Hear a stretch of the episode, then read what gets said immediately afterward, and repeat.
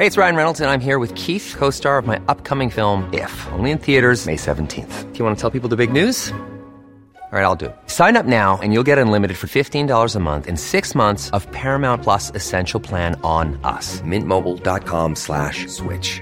Upfront payment of $45 equivalent to $15 per month. Unlimited over 40 gigabytes per month. Face lower speeds. Videos at 480p. Active Mint customers by 531.24 get six months of Paramount Plus Essential Plan. Auto renews after six months. Offer ends May 31st, 2024. Separate Paramount Plus registration required. Terms and conditions apply if rated PG. Quality sleep is essential. That's why the Sleep Number Smart Bed is designed for your ever evolving sleep needs. Need a bed that's firmer or softer on either side? Helps you sleep at a comfortable temperature? Sleep Number Smart Beds let you individualize your comfort so you sleep better together. JD Power ranks Sleep Number number 1 in customer satisfaction with mattresses purchased in-store. And now, save 50% on the Sleep Number limited edition Smart Bed for a limited time. For JD Power 2023 award information, visit jdpower.com/awards. Only at a Sleep Number store or sleepnumber.com. I'm Sandra, and I'm just the professional your small business was looking for. But you didn't hire me because you didn't use LinkedIn Jobs. LinkedIn has professionals you can't find anywhere else, including those who aren't actively looking for a new job but might be open to the perfect role,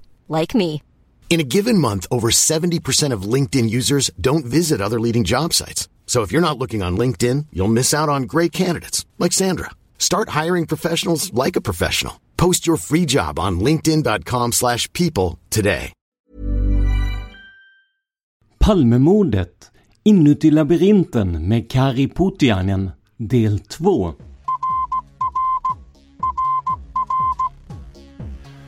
Sveriges statsminister Olof Palme är död. 90 000. Ja, det är mord på Sveavägen. Hörde de säger att det är Palme som är skjuten. Mordvapnet med säkerhet är en Smith Wesson, en revolver kaliber .357. Inte ett svar. Finns inte ett svar. För jag har inget. Och jag har inte varit Varför skulle jag göra Polisen söker en man i 35 till 40-årsåldern med mörkt hår och lång mörk rock. Välkomna till podden Palmemordet som även idag görs av Dan Hörning och mig, Tobias Henriksson på PRS Media. Den här podden sponsras av Maxulin. Maxulin är ett kosttillskott som hjälper män att vara män hela livet. Om du beställer Maxulin via maxulin.se palme så deltar du i en utlåtning av en Palmevandring där poddens skapare Dan Hörning är er guide. Om ni vill bidra till att vi kan ta oss an stora spår, som till exempel polisspåret, och se till att podden finns kvar även i framtiden, ja då kan ni gå in på patreon.com palmemordet och donera en summa som podden får per avsnitt. Det är alltså patreon.com snedstreck palmemordet. Och alla bidrag är välkomna, stora som små, så tack för ert stöd. Och som ni vet hade vi problem med ljudet förra avsnittet och det var på grund av ett fel med originalfilen. Vi kan inte garantera felfritt ljud idag men hoppas att vi lyckats göra det mer hörbart än sist. För idag fortsätter vi nämligen att prata polisspår, boken Inuti labyrinten och mycket mer med Kari Puttjainen en av författarna till ovan nämnda bok. I slutet av förra avsnittet hörde vi Kari berätta om hur de fick ut det så kallade LAC-bandet, det vill säga bandet med samtal till och från länsalarmeringscentralen under mordnatten. Jag var självklart tvungen att fråga hur det kändes att lyssna på banden, som en av de första utanför polisen. Eh, ja, jag tror att vi var först som, utanför polisen som mm. hörde det här. Och sen var det lite mystiskt hur den här inspelningen hade gått till också. Min bror kontaktade ju då biträdande larmchefen på länsarmécentralen. Han skulle ha deltagit. Det var, det var väl visst Säpo som hade spelat in det tror jag. Eller hur det var. Det, det var lite otydligt exakt hur det hade gått till. Och varför det hade gjorts på det här sättet. Och så? Jag vet inte om det är ens klarlagt nu hur det hade gått till den inspelningen. Så det var inte vanligt att spela in jag vet inte hur, hur, polisen jobbar vanligen men jag förstår inte varför de Nej, de hade ju inte utrustning för att... Det är ju så här att de hade på ledningscentralen i och för sig. Där fanns det ett liknande band. Mm. Så de, de går igång automatiskt när de ringer. Ja. Och det gjorde de. Det är alltså Länsarmén 90 000. eh, larmnumret. Mm. Det, när man ringer. Nu är det ju, vad är det, 112 eller vad det är numera. Då, då är det bara 90 000. Då går bandet igång automatiskt när någon svarar. Och det fanns ett liknande i polisens ledningscentral, ett liknande band. Men den, den hade aldrig tagits i, i, i bruk. Därför, och polisen motiverade det med att integritetsskäl. Det var deras motiv. Integritetsskäl. Alltså. Ja. Poliserna ville, jag vet inte vad, hur, inte, ja, poliserna kanske inte ville, hö, ville höras på band, jag vet inte, integritetsskäl. Så det hade facket på något sätt hade lyckats stoppa det där. Så det, det, det, det finns inga inspelningar. Det var konstigt. Så. Ja. ja, det är lite konstigt. Men, men det innebär att de skulle hålla integriteten högre än eh, LAC till exempel då? Som ja, ja, uppenbarligen. Ja. ja, jag vet inte vad. men, men, men så var det då. Mm. Och eh, vi, ja, så att det här, så, så vi funderade, han gick till KTH men där sa de att det är svårt att avgöra. Men, med, alltså de kunde inte hjälpa oss. De sa att örat är, är nästan det bästa instrumentet. Men till slut så dök en, en, en man upp. Han kontaktade oss, alltså Mauricio Vigil. Han har ju dött också nu. Ja. För några år sedan. Och eh, han var alltså flykting från Ur Uruguay. Och han, han var ingenjör. Han har jobbat i JAS-projektet bland annat här i Sverige. Och eh, han var intresserad. Han, han, ville liksom undersöka det här bandet och, och så. Va? Och eh, han... vi hade ju ett, ett, ett band, va? vi hade inte kopierat det. Och han ville då, ja han mer eller mindre, han, han var lite framför Han mer eller mindre tog det här bandet då och, och, och skulle uh, undersöka det. Och han gjorde ju en jätteundersökning sen. Han, han, han, han skaffade utrustning som kostade, jag tror 30 000 eller vad den kostade. Oj. Och uh, han gjorde en undersökning hemma på, uh, på sin fritid då. Och han filtrerade han tog upp liksom ljudkurvor så här. Eh, massor av ljudkurvor och grejer. Och, och eh, Ja, han hade först tänkt att han skulle klara det på en månad och då hade han, han, han lånat, han hade sagt att ja, jag köper det här. Jag köper den här utrustningen. Men jag måste testa den och då, då var det en månad till. Då tänkte han att han skulle återlämna den inom den månaden men det blev inte så. Utan han till slut var han tvingad att köpa den för att för att, för att han hann inte bli klar på en månad. Och då upptäckte ju han en, en liten sak då. För att han, var, han var en så noggrann så han gick och hörde för med tele, Televerket som det hette på den tiden. Telia, fröken ur, det är ju maskiner. Och det finns två maskiner. Och han tog reda på, han, han fick gå träffa någon av cheferna där på Telia och, och, och, och liksom de under, kollade vilken maskin, vilken av de där två maskinerna som hade varit igång på bordnatten.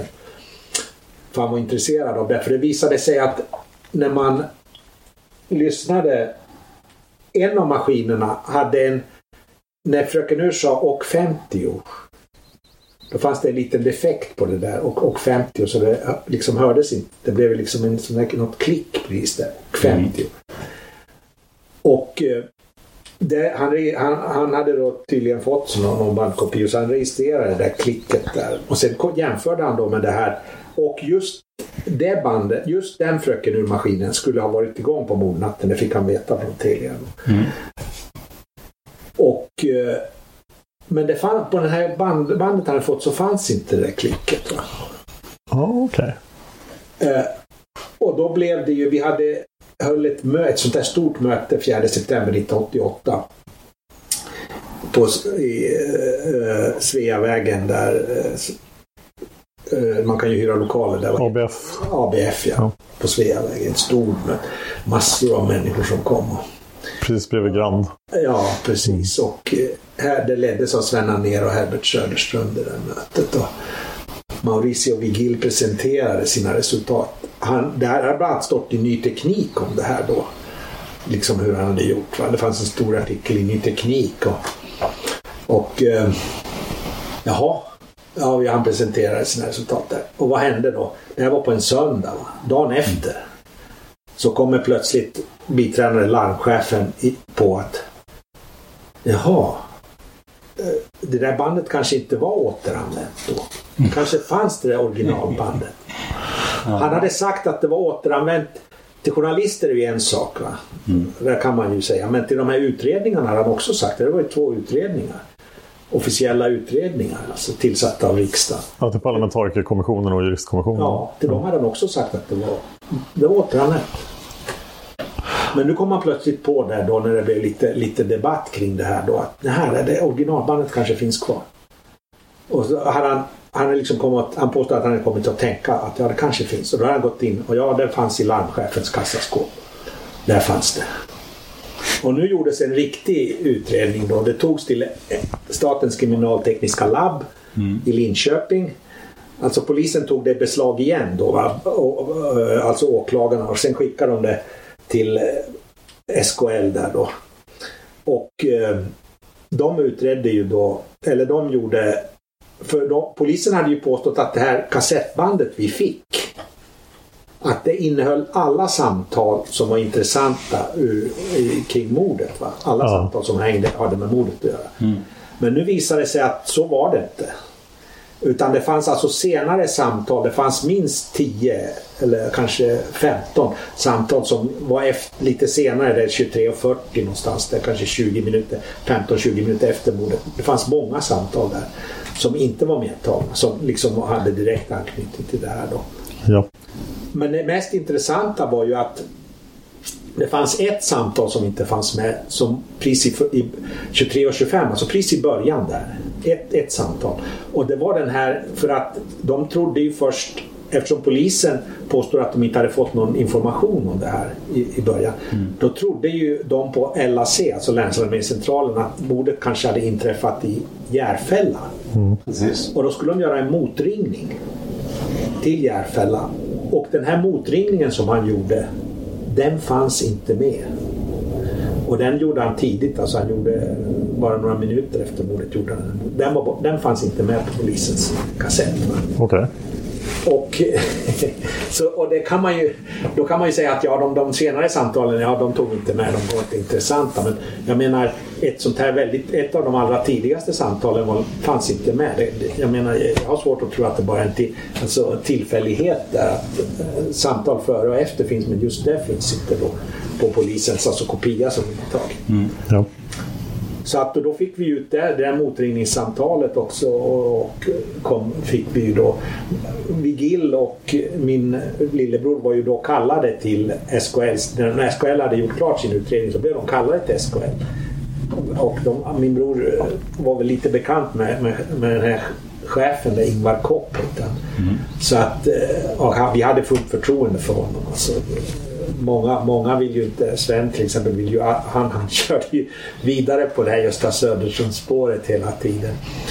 Men eh, det visade sig att vi, ja det höll ju inte liksom det här med fem minuter. För att jag frågade ju Gösta sen senare också att jag sa ju till honom att han inte borde, borde köra så mycket med det där att, 28 för att det är ju, det, han har ju en, en sån här teknisk bevisning emot sig och det är lite svårt då.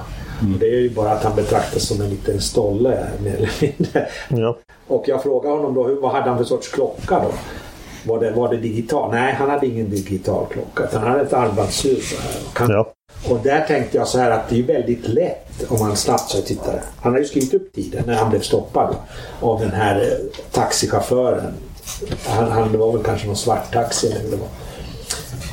Han skrev upp tiden 23.28 har han skrivit. Men det är ju, om man hastigt tittar på en klocka då kan man väldigt enkelt se en sån här vanlig med ur, se fem minuter fel. Va?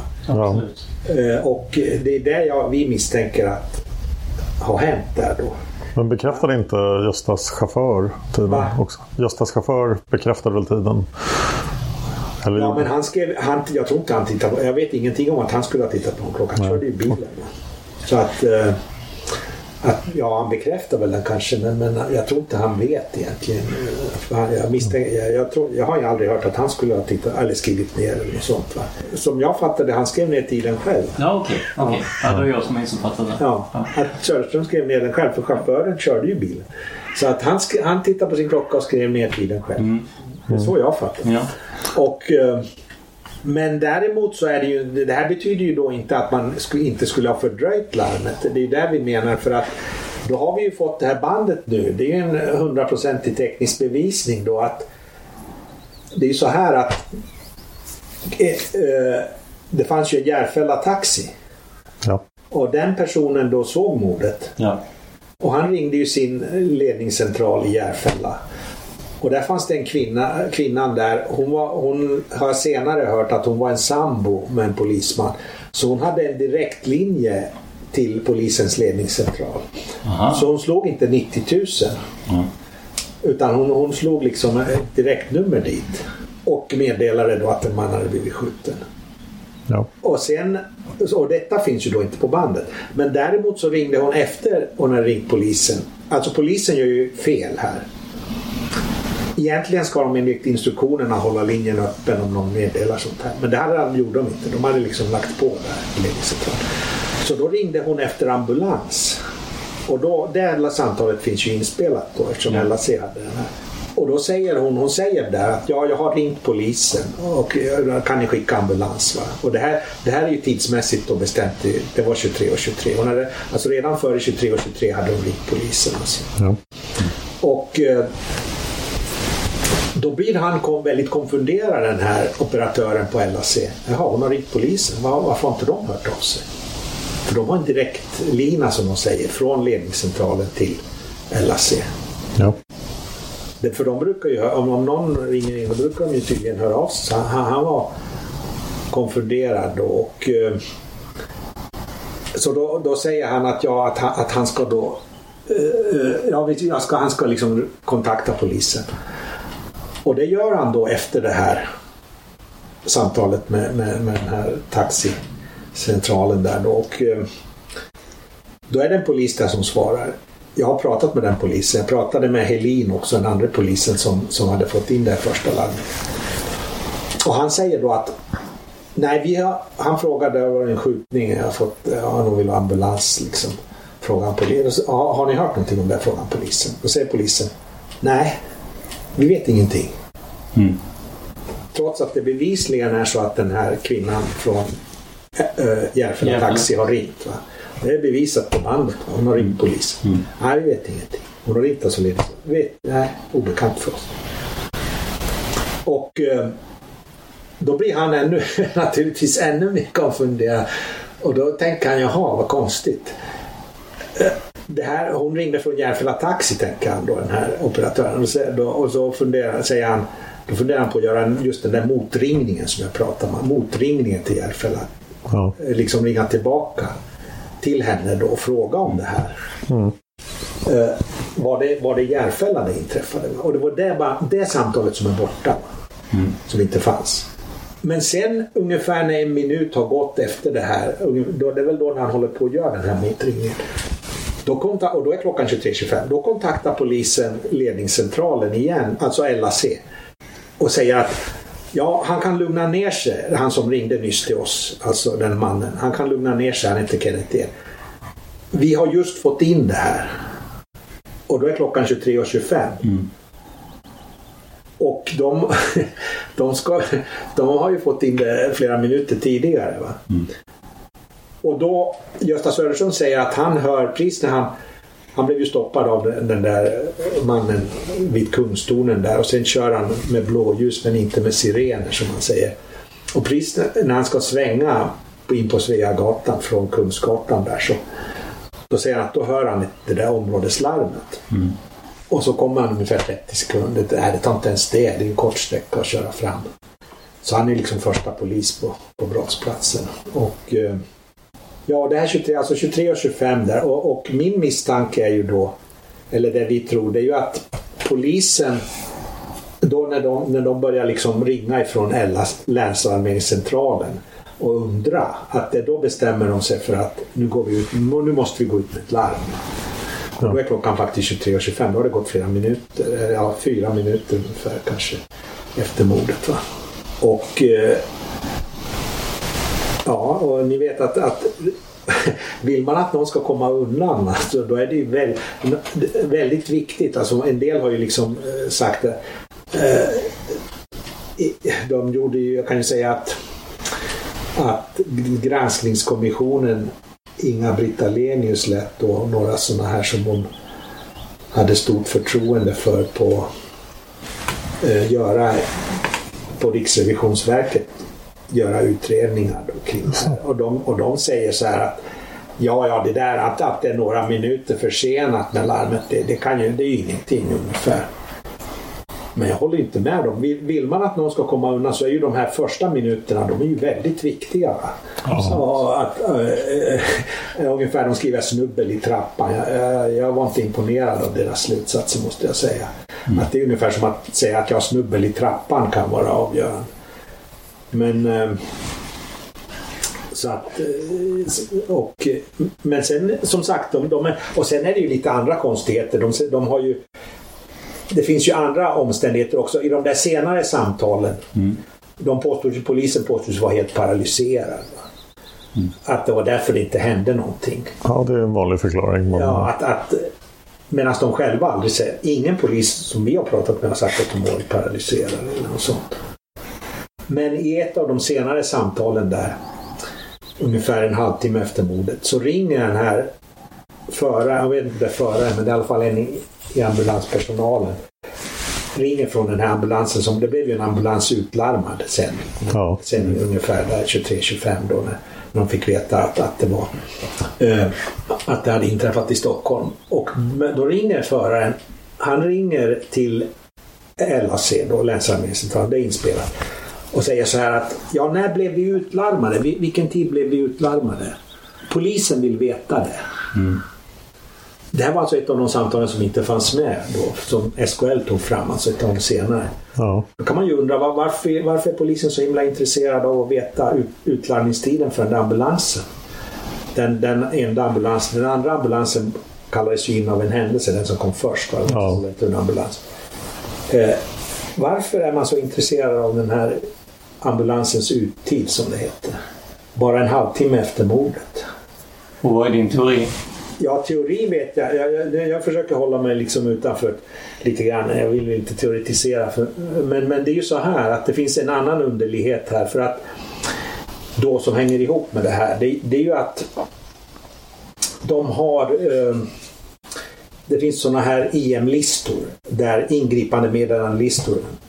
Och där står alla, alla tider och ingripanden. Och de har skrivit patrullnummer och så här.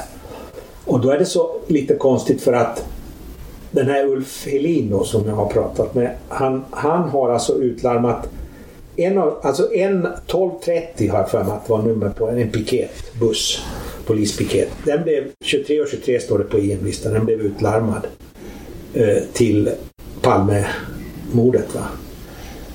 Till att ingripa där. De visste ju inte att det var Palmemord men till att ingripa i skottlossning. Eh, men sam, un, ungefär samtidigt så blir samma bil. 12.30 utlarmad på ett lägenhetsspråk och det är Ulf Elin. Som gör, båda de här larmen gör han alltså. Alltså båda de, han skickar, I båda de här fallen är det han, det står ju där vem det är, HZ. Ja. I båda dem så skickar han alltså ut i princip då i stort sett samtidigt då enligt mm. de här IM-listorna. Skickar han ut den här. Den här, det fanns ju två piketbussar som kom. Men den här andra från, jag tror den var från var det från Norrmalmspolisen. Ja. De har han larmat ut alltså vid samma tidpunkt. På två olika grejer. Ja. Och jag frågade ju honom om det där. Jag faktiskt frågade. Han, han försökte, han kunde inte lämna någon, någon, någon, egentligen någon förklaring. Utan han försökte köra med någon lite fikonsnack. Vid ett tillfälle när jag pratade med honom. och bara pratat med honom i telefon. Så, ja. så, och då när han är i tjänst. Va? För då måste de ju i princip svara. Och eh, han körde med någon sorts fikonsnack som jag inte gick på. Eh, han hade egentligen ingen... Och sen sa han ja okej, okay, liksom, när, jag, när jag inte gick på det fikonsnacket. Ja okej, okay, ja, ja. Han pratade om någonting, jag snabbtransade där eller något sånt där. Så han liksom... det var... Så att det, det, där är det där Men det, det, här, det går ju ihop då om man har, låt oss säga att man har en sån här teori.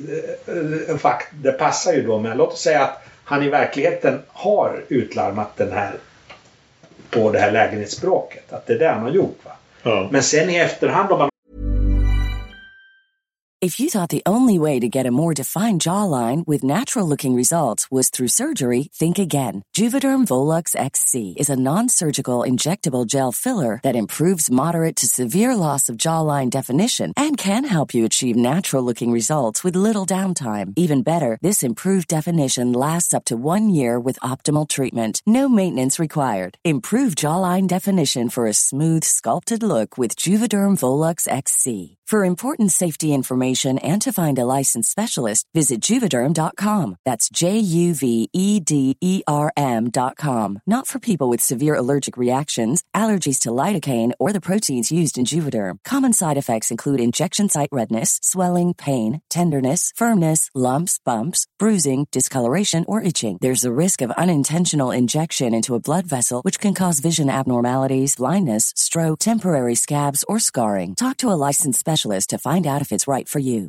How would you like to look five years younger? In a clinical study, people that had volume added with Juvederm Voluma XC in the cheeks perceived themselves as looking five years younger at six months after treatment. Look younger, feel like you. Add volume for lift and contour in the cheeks with Juvederm Voluma XC. Reverse signs of aging by adding volume to smooth laugh lines with Juvederm Volure XC. For important safety information and to find a licensed specialist, visit juvederm.com. That's J U V E D E R M.com. Not for people with severe allergic reactions, allergies to lidocaine, or the proteins used in Juvederm. Common side effects include injection site redness, swelling, pain, tenderness, firmness, lumps, bumps, bruising, discoloration, or itching. There's a risk of unintentional injection into a blood vessel, which can cause vision abnormalities, blindness, stroke, temporary scabs, or scarring. Talk to a licensed specialist to find out if it's right for you. Life is full of what ifs, some awesome, like what if AI could fold your laundry? And some, well, less awesome, like what if you have unexpected medical costs? United Healthcare can help get you covered with Health Protector Guard fixed indemnity insurance plans they supplement your primary plan to help you manage out of pocket costs. No deductibles, no enrollment periods, and especially no more what ifs. Visit uh1.com to find the Health Protector Guard plan for you. Velat visa att polisen verkligen var ute i tid. Mm. Mm. Då har man skrivit in det här 23, konstruerat, konstruerat det 23 och 23 Alltså skrivit in det efteråt och då går det ju ihop med det här med det här samtalet som han i ett väldigt tidigt skede, när ambulansmannen också gör till länsarmeringscentralen och frågar om uttiden. Ja. Då är det viktigt om man, om, man, om man tänker förfalska någonting, då är det viktigt att veta att det blir korrekt uttid. Verkligen. Eh, eh, så att det liksom passar ihop då med, med, med, med med den där utlandningen och så. Så att eh, där kan man ju få, där kan man ju få stämma på det sättet med en sån teori. Ja. Eh, anna, ja, det är lite svårförklarliga. Annars blir det ju ganska svårförklarligt liksom. Och sen att det här polisen inte gjorde någonting heller. Hur förklarar man det? Va? Jag, jag, pratade ju med en polisman som var utlarmad då och eh, det var ju väldigt känsligt. Det här var alltså på 80, slutet av 80-talet och mm. en del eh, de ville inte prata för mycket. Va? Och Eh, men eh, han sa ju så här att vi, från, vi fick ingen ledning från ledningscentralen. Utan vi bara åkte omkring som vi själva ville. De sa inte åt oss att åk dit eller dit. Va? Det var ingen, ingen ledning alls. Ungefär. Mm. Vi, vi åkte på egen, eget bevåg. Vi tänkte ja vi kanske ska titta där, där kanske det finns något intressant. Och så va. de fick själva bestämma vad, vad de gjorde. Det, var det fanns ingen systematik alls? Nej, nej, nej. Ingen nej. systematik alls. Enligt honom. Han, han, han fick ingen, inga, ingen information. Och han står med där på IM-listan som utlarmad eh, på ett senare, senare hans patrull. Mm. Så att, eh, och det förklarar de då med att de blev paralyserade. Men ingen, den där polismannen själv och ingen annan har ju medgett att de, eller sagt att de, att de blev liksom paralyserade på något sätt. Så att det är bara en, en tes mm. säga så. Ja, just det. Och sen blev de upptagna med telefonsamtal. Från, en massa samtal från utlandet säger de också. Det hindrade då dem från att göra, jobba med det här. Så att, eh, min bror besökte ju ledningscentralen många gånger. Han, vi pratade ju med, med Rolf Fredriksson som var en av cheferna. där. Han pratade med honom många gånger. Och, och vi ville ju kolla för att det finns ju en möjlighet då att för den här tidsättningen på den här ingripande meddelandelistan den sköts ju av en, sköttes ju av en dator. Va? All, alltid går, datorklockorna går inte alltid rätt. Och, eh, och eh, han var där och han kollade den då. Den mot sin egen klocka, den där klocktiden. Där i ledningscentralen och den gick inte helt korrekt. Jag tror att det var en 30 sekunder fel eller något sånt där. Hans klocka eller... Eh, Nej, den klockan i ledningscentralen. Ledningscentralen, ja, för han kollade mot sin klocka. Han Ja. har ju kollat sin klocka först mot, Okej. mot fröken nu. Visst. Och sen kollar han den mot sin klocka när han var är där. Va? Ja. Han gör ju liksom ska ju vara vattentätt. Så att han, han, han berättade någonting om att han, ja, det, var, det handlade om kanske en halv, ja, 30-40 sekunder kanske det inte gick rätt. Så det, det eh, ja, så det här, var, det, här var, det här var som fick oss in i det här det var ju det här att vi, ville, vi började forska kring det här bandet och vi var intresserade av det och veta vad som hade hänt. Va? Och sen kom, vi ju, sen kom ju de här förslagen om att skriva bok från Herbert Sjöström, det var ju senare. Och eh, sen hamnade vi där och jag tänkte att jag kan offra ett år på det. Men sen blev det ju så illa så att det var inte klart efter ett år. Då har man lagt ner ett arbete på ett år. Ska jag bara kasta det åt sidan så här då? Det kunde jag inte göra. Och sen, var det inte, och sen min bror, som jag säger, min lillebror, han, han höll ju på mycket med researchen men han, han mer eller mindre, han slutade ju, meningen var att vi skulle skriva tillsammans men han, han, han blev ekonom på min andra brors företag så att han, han gjorde ju, skrev i stort sett ingenting då så jag fick sitta själv och kämpa med det där. Och, till, och eh, när två år hade gått, jaha, ja, nu har jag lagt ner två år. Ja, då, då kan jag inte sluta nu. Ja, Sen blir det tre år och det tog, till slut tog det fem år. Lite irriterad blev jag ju för att jag är ju intresserad av fysik, va, teoretisk fysik. Så att jag använde ju all min fritid då under de där åren till att skriva den där boken. Och, eh, eh och det, ja, jag, jag, blev lite ringrostig då när det gäller det med fysiken va, under den där tiden. Och, och sen, sen föddes de här sönerna direkt på det där också. Så att det, jag, brukar, jag brukar säga att 90-talet blev ett förlorat årtionde vad gäller fysiken. Va? Och, jag har ju blivit kontaktad senare, år 2005 blev jag kontaktad av av eh, en norrman som eh, han har varit statssekreterare i Kåre Willoch-regeringen på 80-talet. Okej. Och han, han, han är en expert på Stay Behind. Du vet, för han sa att det här med Stay Behind, det var, det, det var, det var liksom utformat så att, att eh, regeringen, om det blev liksom krig, de skulle evakueras till ett annat land. Men det var statssekreterarna som skulle hålla i, i, här, i den här motståndsrörelsen då, Stay Behind. Och han hade då skrivit en bok som han hade försökt få publicerad. Men han hade fått veta då att tillsammans med någon överste i norska armén. Men han hade då fått veta att eh, ja, de hade, han hade varit på Norstedt bland annat och de hade sagt att, att eh, ja, den, är, den blir så himla tjock den där boken. Svante Weiler var det väl han hade pratat med. Att äh, vi kan, det, blir, det blir för besvärligt. Sen var den ju skriven på norska och, eh, och han kontaktade mig år 2005. Och ville då att han, för han sa att han var ungefär in, inne på samma linje som vi i, våra, i vår bok. Han är imponerad av det. Och han ville då att jag skulle översätta den där boken och banta den då. Göra mindre format.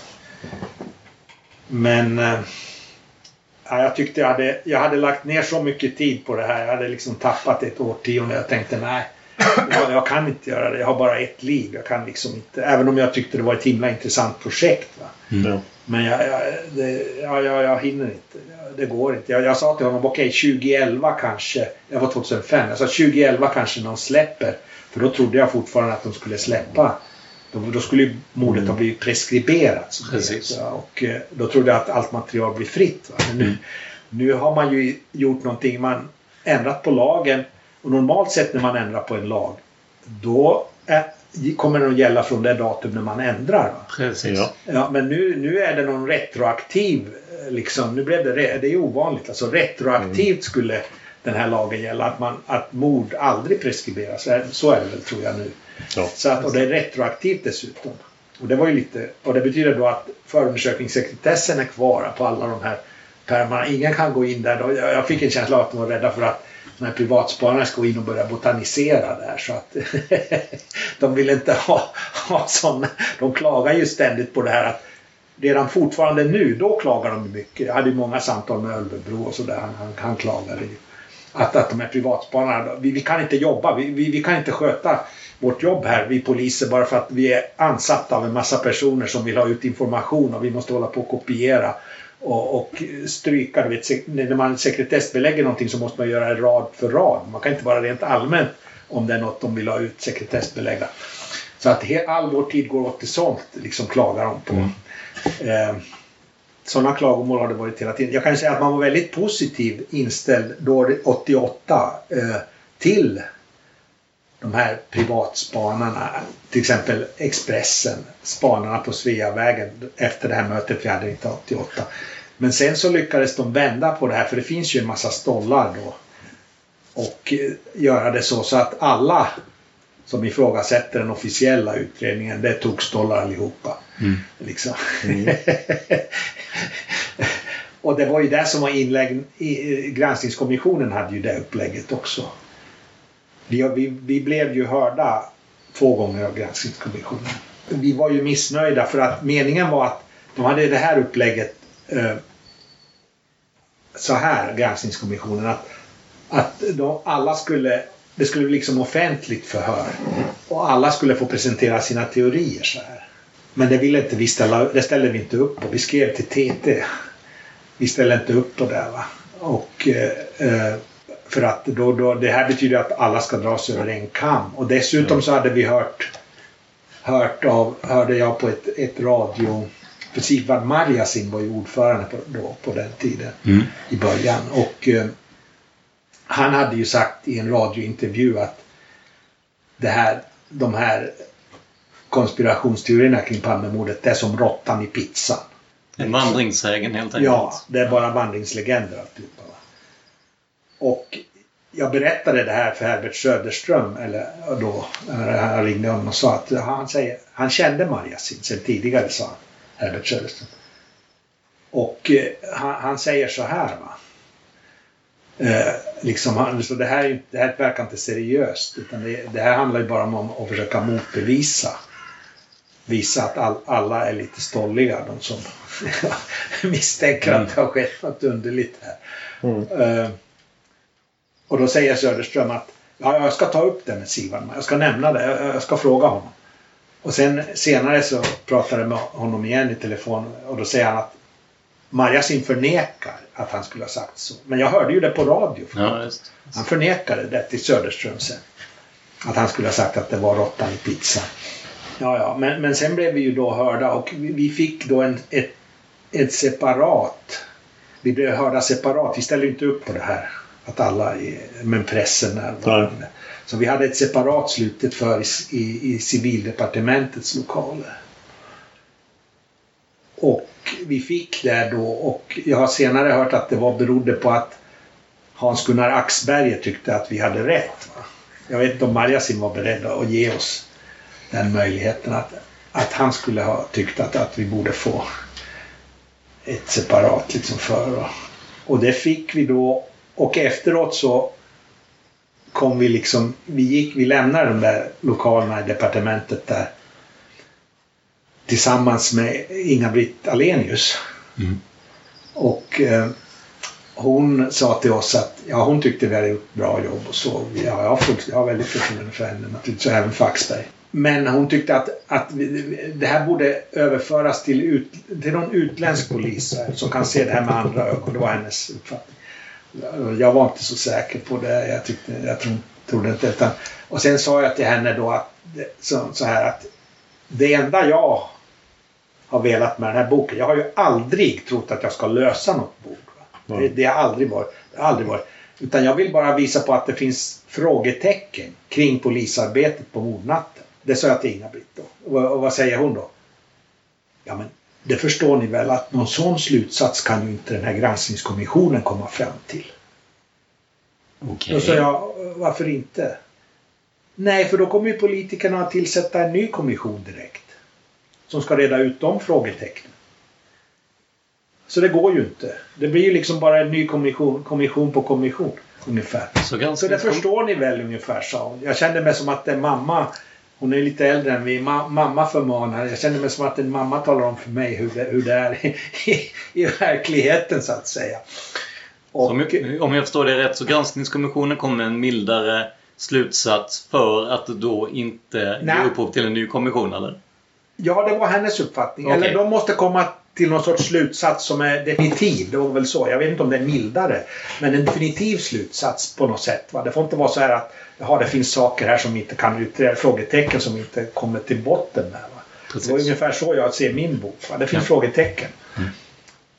Det, det var väl det hon menade. Sen var jag med i någon radioprogram med Axberger senare.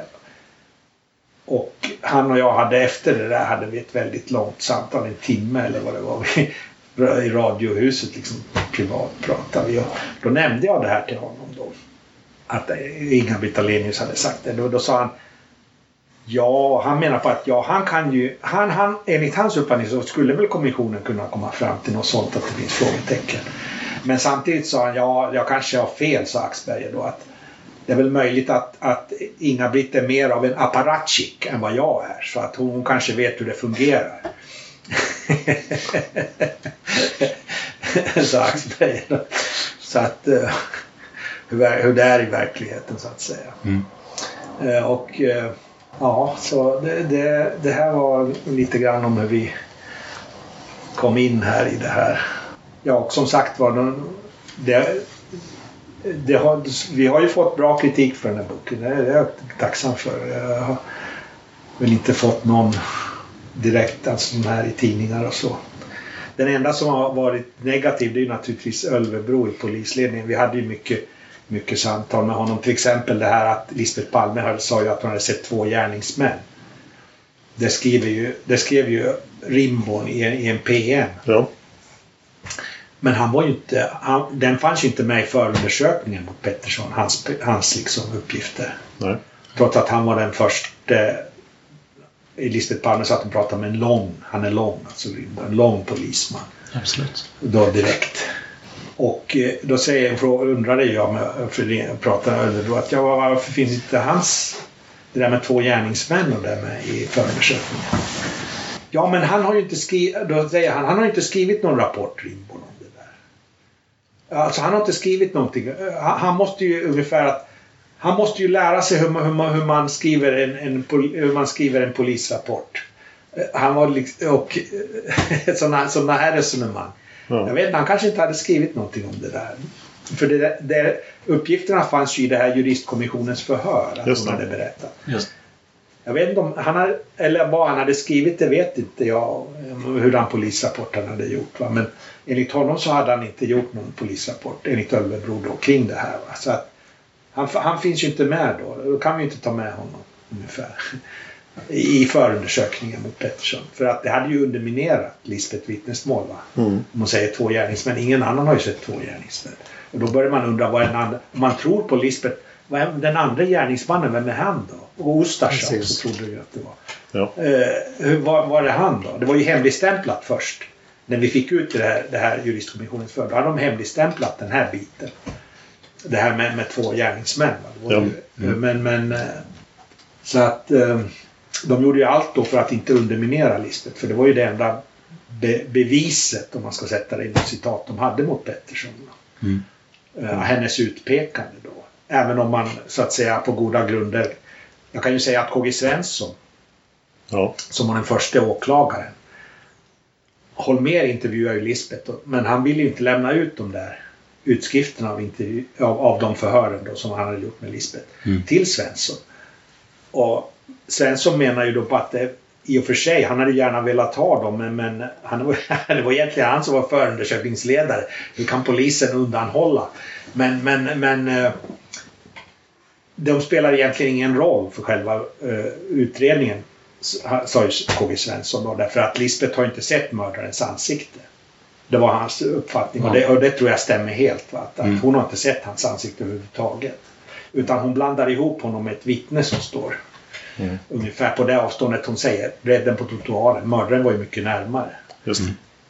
Så att eh, så det har ingen betydelse då vad hon egentligen säger då. Eh, ja, det, det Holmers förhör. Mm. Han var alltså den första åklagaren. Var, var den uppfattningen Lisbeth har inte sett mördarens ansikte. Och, och, och, det har varit diskussioner att hon har sett och det satt sig fast och så här. Och det... det och jag tror ju på det också. Va? Hon har inte sett mördarens ansikte. Mm. Så hon är... Och sen det här att hon pekade ut Pettersson. Jag menar vem som helst hade ju kunnat göra det. Gunnar Wall fick ju ut de här Lars, eh, den här Lars-Åke Kristiansson heter han, psykologiprofessorn. Som, har, som har blivit lite, fått lite blivit... Hamnat i blåsväder. ja, hamnat i blåsväder sen efteråt. Men han då, då var han inte i blåsväder. Han tog ju, han tog ju de här video, videorna som Lisbeth hade sett. Precis. Tog han ju till, till uh, USA. Han var gästprofessor där då. Seattle. Mm. Alltså det, det, är ju på västkusten i USA. Där de, eh, hans studenter då inte kände till någonting om mordet. Va? Och då hade han givit dem eh, först en uppgift om att den misstänkte gick konstigt. Och då var det 68 procent som hade pekat ut Pettersson. Men sen när han sa att, att han var alkis också och gick konstigt, då var det 74 procent som identifierade honom. Så då kan man ju undra vad, vad, vad Lisbeths idé Och hon säger ju själv, det ser man vem som är alkoholist, det är det första hon säger. Hon hade ju fått en, Anblad var ju skicklig, han hade talat om för henne i förväg att en alkoholist och eh, sådär. Och då säger hon direkt att ja, det ser man ju vem som är alkoholist. Så att det, hon visste direkt vem som var misstänkt. Vad, vad har det ett sånt utpekande för värde? Alltså, när man, det var inget, borde ju inte ha något juridiskt värde alls. Nej, så egentligen, det, det är ju så här att om man, om man kritiskt granskar den här utredningen mot Pettersson så finns det inga bevis alls. Det, det, man, de har ju erkänt att man inte har någon teknisk bevisning. Det, det är ju helt klart. Mm. Men det finns ingen annan bevisning heller om man, om man så att säga är kritiskt granskar det hela. Ja. Han, han är liksom, i, i tingsrätten blev han dömd och då blev han ju, de här juristdomarna ville ju fria honom redan i tingsrätten. Absolut. Det var ju, det var ju nämndemännen som dömde honom. Mm. Hade det varit i USA då hade, då hade det varit en som man säger handjury. Va? En jury måste vara överens. Va? Ja. Men här, här har man ju majoritet. Ja, han, han, han blev alltså dömd då i tingsrätten 5-2 eller vad det var. Sen var det ju 7-0 sen i, i, i hovrätten. Mm. Han blev friad då. Och det är det jag försöker påpeka i boken. Det, det finns ingen bevisning alls mot honom. Alltså. Han blev dömd utan att det var bara, han var, han var dömd i tidningarna. Det, det är ju också lite infernaliskt så här. Hans försvarsadvokater som var väldigt svaga, måste jag ju säga. Ja. De blev belagda med yppande förbud. Samtidigt som polisen läckte som ett såll till tidningarna om olika saker om Pettersson. Mm. Så han blev ju, och det var ju den där utredningen mot honom pågick från december till maj. Va? Det var fem månader där. Där det hela tiden stod om att han var skyldig ungefär i tidningarna. Mm. Så att eh, de gick ju trots att det inte fanns några bevis då, om man är kritiskt granskade så tidningarna hade ju då byggt upp att ja, han var skyldig. Eh, media hjälpte till där. Mm. Mm. Så han blev dömd egentligen som jag ser det helt Det finns ingen bevisning alls mot honom. Vi lämnar Kari Putiainen för nu, men de nästkommande två veckorna kommer vi också att prata med Kari Putiainen. Då kommer vi bland annat att få reda på vad han tror om de olika spåren i utredningen och ni kommer att få svar på era lyssnarfrågor. Allra sist vill vi påminna om vår andra sponsor Nextory. Nextory är en prenumerationstjänst för ljudböcker och e-böcker. Om ni går till nextory.se kampanjkod och skriver in koden PALME så får ni 30 dagars gratis Nextory om ni inte tidigare prenumererat hos dem. Nextory har många böcker i ämnet Palmemordet, bland annat Konspiration Olof Palme av vår återkommande gäst Gunnar Wall. Palmemordet finns på facebook.com palmemordet. Gå gärna in och kommentera avsnitten och gilla sidan. Vi finns också på Youtube. Bara sök på Palmemordet. Det här avsnittet gjordes av Dan Hörning samt mig, Tobias Henriksson på PRS Media. För mer information om mig och företaget, gå in på facebook.com prsmedia.se eller besök hemsidan på www.prsmedia.se. Tack för att du lyssnar på podden Palmemordet. Man hittar Palmes mördare om man följer PKK-spåret till botten. Därför att ända sedan Julius Caesars tid har det aldrig hört talas om ett mord på en framstående politiker som inte haft politiska skäl. Polisens och åklagarens teori var att han ensam hade skjutit Olof Palme. Och det ledde också till rättegång. Men han frikändes i hovrätten. Nu ska vi ut på rövarstråt. Ja, vi ska ut the softest sheets you've ever felt. Now imagine them getting even softer over time. That's what you'll feel with Bowl and Branch's organic cotton sheets. In a recent customer survey, 96% replied that Bowl and Branch sheets get softer with every wash. Start getting your best night's sleep in these sheets that get softer and softer for years to come. Try their sheets with a 30-night guarantee. Plus, get 15% off your first order at bowlandbranch.com. Code BUTTERY. Exclusions apply. See site for details. When you need mealtime inspiration, it's worth shopping Kroger, where you'll find over 30,000 mouthwatering choices that excite your inner foodie. And no matter what tasty choice you make, you'll enjoy our everyday low prices, plus extra ways to save, like digital coupons worth over $600 each week. You can also save up to $1 off per gallon at the pump with fuel points. More savings and more inspiring flavors make shopping Kroger worth it every time. Kroger, fresh for everyone. Fuel restrictions apply.